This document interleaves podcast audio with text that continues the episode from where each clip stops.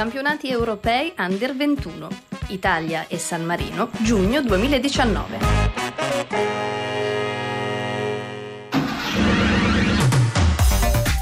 E andiamo ad aprire una prima finestra sui campionati europei under 21 che l'Italia si è presta a ospitare assieme a San Marino a giugno. Eh, più tardi ne parleremo con un secondo ospite. Adesso cominciamo però con Matteo Contessa, una firma storica del giornalismo sportivo italiano, nonché grande conoscitore del territorio di Trieste. Matteo, ci sei? Ci sono, buongiorno a tutti. Allora eccoci su Radio Capodistria per parlare di questi campionati europei. Tra le città che ospiteranno le partite c'è anche eh, Trieste, probabilmente anche nella lunga storia di Trieste, anche particolarmente importante anche dal punto di vista sportivo. Questi europei sono un momento significativo, forse uno degli eventi di portata maggiore che arrivano nel capoluogo giuliano. Si può dire così? Ma sicuramente sì, perché come risalto dell'avvenimento sicuramente è la cosa più grande, ma non dobbiamo dimenticare che Trieste e lo Stadio Rocco in passato hanno ospitato gare di Champions League del Milan, eh, anche dell'Inter, hanno ospitato partite della nazionale maggiore, così come hanno ospitato lungamente partite di Serie A ehm, quando il Cagliari eh, di Cellino, una decina d'anni, 6-7 anni fa circa, aveva problemi eh, con, perché doveva rifare lo stadio Sant'Elia e quindi aveva dato come secondo campo quello di Trieste e qui a Trieste ha giocato metà di un campion- del campionato 2011-2012 e anche l'inizio del campionato successivo. Tra le altre cose la Juventus che oggi sta, mh, eh, ha infilato questo filotto di otto scudetti consecutivi, il primo di questa serie lo ha vinto proprio a Trieste battendo il Cagliari per 2-0 nella penultima partita e laureandosi campione d'Italia per la prima volta di queste otto con Antonio Conte in panchina. Stiamo parlando però della seconda competizione internazionale europea più importante. Che valore ha per la città di Trieste? Che valore ha per la città di Trieste esserci all'interno del novero di uh, sedi all'interno dell'Italia, appunto, anche di San Marino per, questa, per questo evento? Beh, intanto considerando che questa edizione sarà la prima in assoluto che si svolge in Italia, va da sé che gli stati coinvolti e le città coinvolte eh, abbiano grande, un grande vantaggio anche a livello di riconoscimento di importanza, perché comunque è la prima volta che l'Italia organizza in casa gli europei under 21, ci sono tantissimi stati, tantissime regioni, aver scelto fra le altre lo stadio di le, le, il Friuli Venezia Giulia e gli stadi di Trieste e di Udine vuol dire già un segno di grande riconoscimento miglioramento della qualità degli impianti e della ricettività degli ambienti. Per Trieste ha una valenza doppia, da una parte è quella di aver eh, con l'occasione risistemato eh, il suo stadio, il Nereo Rocco, che dopo 25-26 anni aveva bisogno un po' di rinfrescata e quindi sarà una vetrina anche per questo stadio che potrà mettersi in mostra, ricordiamo che è uno dei pochi stadi veramente all'inglese che abbiamo in Italia, quindi questa è una prima valenza. La seconda è di tipo diciamo turistico, di immagine turistica perché comunque a parte la grande comunità di serbi che vive a Trieste eh, e che riempirà lo stadio sicuramente in ogni partita perché ricordiamo che a Trieste la, la squadra di casa sarà la Serbia. La comunità serba di Trieste mh, mm, ammonta a 10 10.000 e forse anche più residenti stanziali, quindi già questo sarà eh, indice di, eh, di, di, successo. Ma poi bisogna ricordare che ehm, ehm, a Trieste giocheranno anche Germania, Austria e Danimarca. Ora eh, Germania e Austria hanno in regione, soprattutto a Lignano Sabbiadoro e dintorni, un po' il centro marino eh, di vacanza balneare preferita dei tedeschi e degli austriaci. Dunque arriveranno in massa anche loro qui quando le loro nazionali giocheranno a Trieste, dunque ci sarà un grande vantaggio diciamo, economico indotto perché comunque questi arriveranno qui, dovranno dormire in zona, dovranno mangiare in zona, avranno l'occasione di visitare la città come del resto sia la regione che il comune stanno organizzando, organizzando a livello di pacchetti e di offerte turistiche, dunque per Trieste questa valenza è doppia. Il grande calcio quindi torna in Italia con questi campionati europei, al di là delle partite di Champions League, incluse insomma le finali delle coppe eh, internazionali, torna dopo i mondiali di Italia 90. In quel caso eh, per la città di Udine si tratta di un ritorno, nel senso che Udine era tra le sedi scelte per i campionati di Italia 90, Udine ospiterà la finale di questi campionati europei. Torniamo un attimino indietro al 1990. Eh, magari col senno di poi, quantomeno col senno di poi, si può dire che forse è stata un'opportunità di sviluppo mancata dal calcio italiano, nel senso che i vari lavori che sono stati fatti sugli stadi non si sono rivelati una base per sviluppare il, il calcio così come succede in altre nazioni dove lo stadio, la funzionalità dello stadio, la polifunzionalità dello stadio riveste un ruolo importante.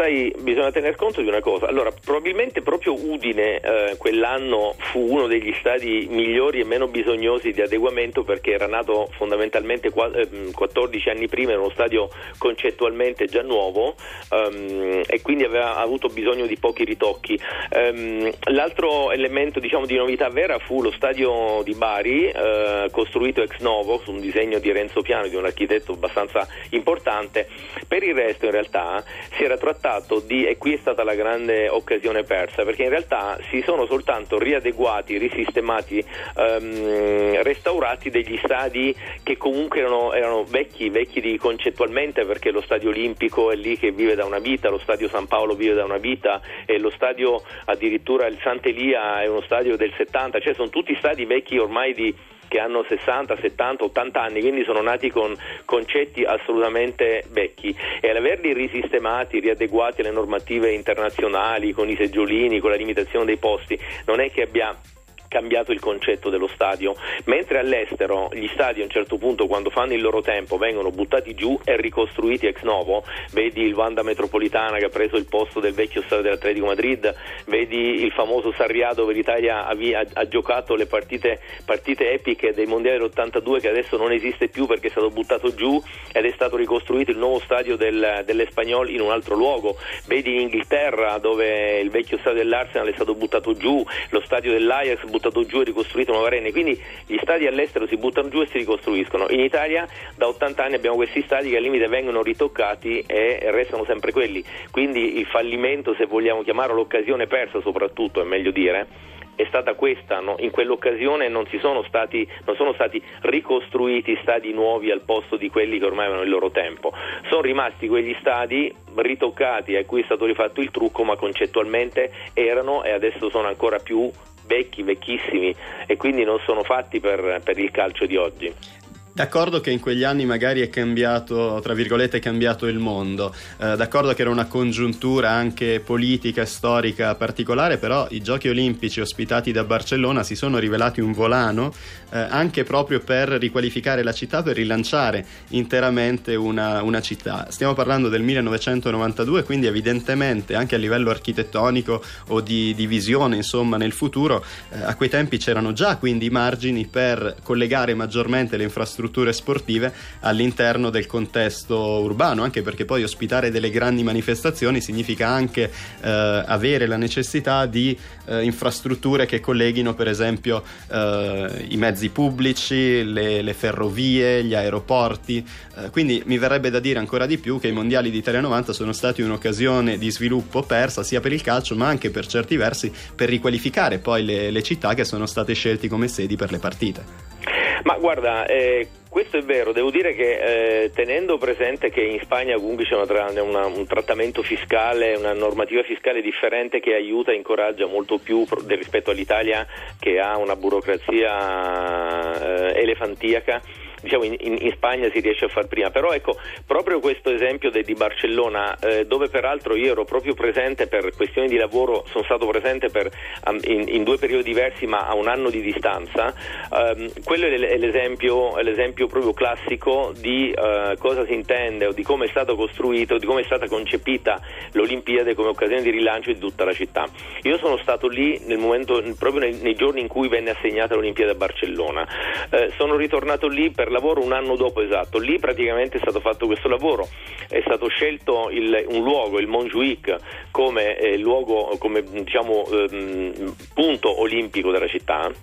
un'altura molto bella ma isolata dal contesto, quindi comunque si poteva anche non, non, avere grande impatto nella città anche per i lavori di costruzione. Il vecchio stadio monumentale è stato letteralmente buttato giù con la dinamite lasciando solo la parte monumentale, le mura esterne monumentali molto belle architettonicamente, dentro è stato costruito uno stadio ex novo e a fianco allo stadio le piscine, gli impianti, di, um, gli impianti per gli sport all'interno, al coperto. Sotto c'è stata tutta una serie di infrastrutturazioni, la metropolitana, i le viabilità eccetera, che sono state adeguate proprio in funzione di questa, di questa Olimpiade. È ovvio che lì Barcellona ha riguadagnato non solo un nuovo centro sportivo, ma ha guadagnato una, un miglioramento urbanistico, un miglioramento infrastrutturale. Quello è stato fatto eh, perché lì il modello è diverso, perché comunque eh, le, le, ci sono delle agevolazioni fiscali o il trattamento fiscale è diverso. Qui da noi se vuoi fare una, un minimo intervento, come poteva essere Italia 90, il grosso del, dei soldi destinati vanno via per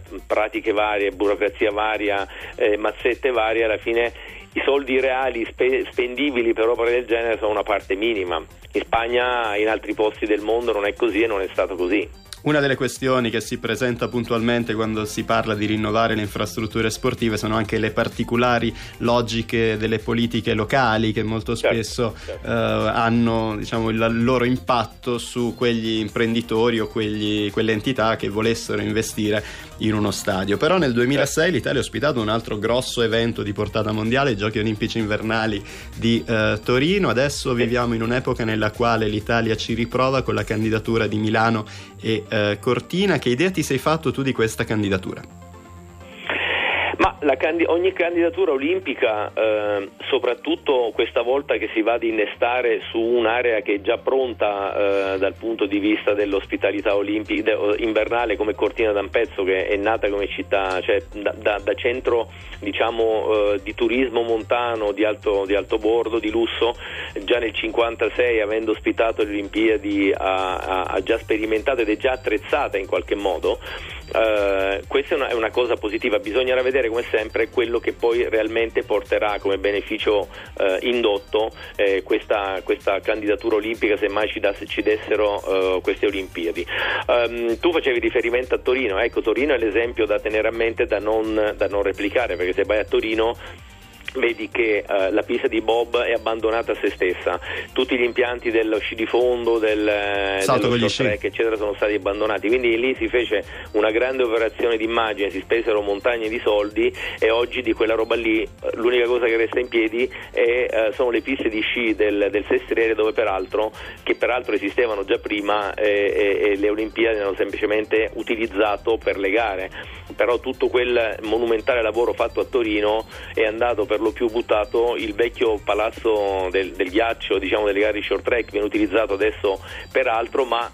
ci sono impianti assolutamente vuoti rimasti lì e Torino ad esempio è in cerca di una sede per la squadra di pallacanestro e di pallavolo che non ha, mentre ha tre cattedrali nel deserto che sono lì chiuse e non sanno cosa farne. Dunque direi una candidatura olimpica va bene, eh, però piuttosto utilizzando e adeguando in maniera eh, diciamo sostanziale quello che già si ha a Milano e quello che già si ha a Cortina d'Ampezzo eh, piuttosto che ehm, adeguare, costruire robe, robe, che poi resteranno cattedrali nel deserto. Ad esempio Cortina più che impianti impianti più che piste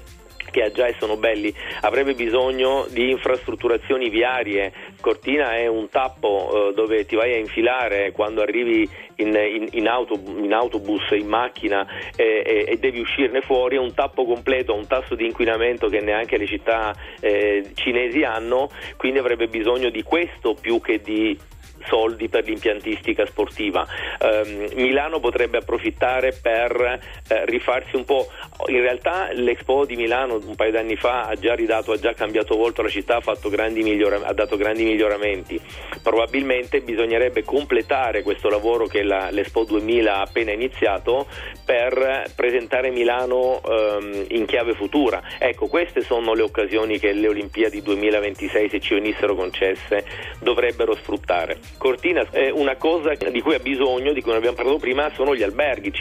Cortina è molto bella, ma è una città da questo punto di vista molto vecchia. Gli alberghi sono quelli di cent'anni fa. Uh, ecco, so che c'è un grande movimento perché stanno, eh, c'è il progetto, la ristrutturazione, addirittura stanno passando di mano diversi alberghi storici, proprio che dovranno avere um, rinfreschi, ristrutturazioni profonde in previsione dei mondiali 2021 innanzitutto, che saranno un po' una prova generale ed eventualmente delle Olimpiadi. Ecco, questo serve ad esempio anche a Cortina, la riqualificazione urbana e la riqualificazione e infrastrutture in grado di poter rendere Cortina un centro di vacanza adeguato ai tempi nostri. Ritorniamo invece sui campionati europei Under 21 che l'Italia ospiterà assieme a San Marino. Una delle iniziative a margine delle competizioni che secondo me però è molto importante è questa sorta di laboratorio di giornalismo che viene svolto con gli studenti delle varie città eh, che ospiteranno le partite. Ovviamente partecipa anche Trieste, tra l'altro partecipa anche un giovane che eh, scrive per il Primorski Neunik, vale a dire il giornale eh, in lingua eh, slovena. Eh, a te che sei un giornalista insomma di lungo corso ed esperto vorrei fare una domanda che ho già posto ad altri colleghi, cioè lo sport è un tema del quale tutti parlano, del quale tutti scrivono, ma non tutti sono giornalisti sportivi. Secondo te dove sta la qualità del giornalismo sportivo? Ma direi innanzitutto su due cose, innanzitutto su un, un, talento naturale che il giornalista come qualsiasi altra categoria di persone deve avere, questo è già una discriminante importante. Uh, devi essere giornalista dentro, quindi avere la capacità di uh, curiosità di ricerca, capacità di analisi, di valutazione, diciamo a freddo, distaccandoti un po' da quelle che sono le passioni um, sportive. Uh, in secondo luogo la discriminante è proprio nel nella, nell'essere un giornalista professionista, perché come giustamente tu dici, sai, nello sport eh, tutti sono giornalisti, anche i tifosi che con la storia, che magari con la scusa di essere eh, eh, corrispondenti o di abitare in luoghi poco trafficati, poco conosciuti, vengono ingaggiati come corrispondenti dai vari giornali che hanno bisogno di notizie e sono in realtà a tutti gli effetti tifosi che magari sanno scrivere un po' in italiano ma non hanno alba di cosa il giornalismo reale sia. Quindi questo in realtà um, complica un po' o rende un pochettino poco credibile oggi il giornalismo sportivo in generale. Uh, il giornalista professionista per diventare tale ha bisogno di superare degli step delle, di, di, conoscenza, di miglioramento professionale, di acquisizione di, di conoscenze professionali che vengono poi convogliate e verificate e valutate in un esame di Stato come è per i medici, per gli avvocati, per gli architetti e quant'altro. Quindi per arrivare a fare il giornalista sportivo devi superare delle prove di conoscenza e di qualità, chiamiamole così, una certificazione di qualità, dai, chiamiamola così. Da queste persone una sorta di qualità, una sorta di conoscenza, oltre al fatto che magari nel giornalismo sportivo sarebbe bene aver giocato, eh, aver praticato sport a livello agonistico, non necessariamente ad alti livelli, ma anche a bassi, ma per capire da dentro quello che la disciplina sportiva è, quello che lo sport è. Questo ti aiuta già ad avere una valutazione molto più eh, come dire, eh, appropriata, eh, molto più profonda e anche nella capacità di giudizio hai degli elementi molto importanti per valutare, per poter scrivere. Questa secondo me è la vera, è la vera discriminante che eh, qualifica il giornalista, il giornalista, sportivo da eh, un giornalista sportivo da un altro. Purtroppo noi oggi abbiamo tutti i giornalisti sportivi che non sono altro che tifosi o appassionati che sanno un po' scrivere in italiano e si buttano nel giornalismo come se fosse un passatempo. Purtroppo questo non aiuta. Uh, per quanto invece riguarda l'aspetto dei giovani, ecco, questa secondo me è la cosa più confortante. Mm, in questi europei uh, ci saranno, dunque intanto ci sono due cose, una questi giovani che hanno, uh, che so, che hanno fatto laboratori di giornalismo con le scuole, con i giornali, con, eh, con istituzioni che eh, sono stati chiamati FIG, dal comitato organizzatore locale di questi europei, quindi in sostanza dalla FIGC con l'avallo dell'UEFA, eh, un giornalista per ogni, per ogni sede eh, ospita, un ragazzo, diciamo, un ragazzo giornalista, chiamiamolo così, giovane giornalista eh, per ogni sede di gara eh, che dovranno raccontare eh, al loro modo non solo quelle che saranno le partite, tutto quello che c'è intorno, ma stanno eh, introducendo e stanno raccontando le iniziative che loro stanno facendo per preparare ehm, questi europei. Sono soprattutto iniziative ehm, diciamo destinate ai giovani che che servono per creare o ricreare un nuovo modo di vivere il calcio da tifoso, da sportivo, cioè un, un, un, un modo che si um, muove intorno a un concetto, il concetto di rispetto, rispetto per l'altro, rispetto per l'avversario che non è un nemico, rispetto quindi per il tifoso dell'altra squadra, ma anche per i giocatori dell'altra squadra, per fare in modo che il, lo stadio torni ad essere o diventi forse in Italia per la prima volta un luogo in cui andare a passare il tempo con gioia, ehm, con, con, con, sensazioni positive, piuttosto che farlo diventare un luogo di guerra comunque, dove sfogare gli istinti peggiori. Per fare questo la FIGC in realtà ha creato una piattaforma eh, web che si chiama Di Fiamma Europa in cui ha coinvolto tutte le scuole proprio per fare un lavoro profondo di conoscenza di tutte le nazionali che giocano, conoscenza dei paesi de, de, le cui nazionali sono rappresentative um, e in questa maniera provare ad avvicinare oltre a tutta una serie di iniziative che verranno eh, svolte proprio sui, ne, negli stadi durante le partite, iniziative che devono servire un po' a creare questo senso di unione e rispetto piuttosto che di um, rivalità, rivalità diciamo, negativa. Eh, questi giovani ragazzi ragazzi giornalisti, chiamiamoli così, stanno spiegando sui giornali, ma anche eh, ai, loro, ai, loro, compagni de, de, delle scuole coinvolte, questo, um, questo, spirito, questo concetto. Um, loro sono anche, questi sette, sono anche una sorta di pensatoio della FIGC proprio per creare iniziative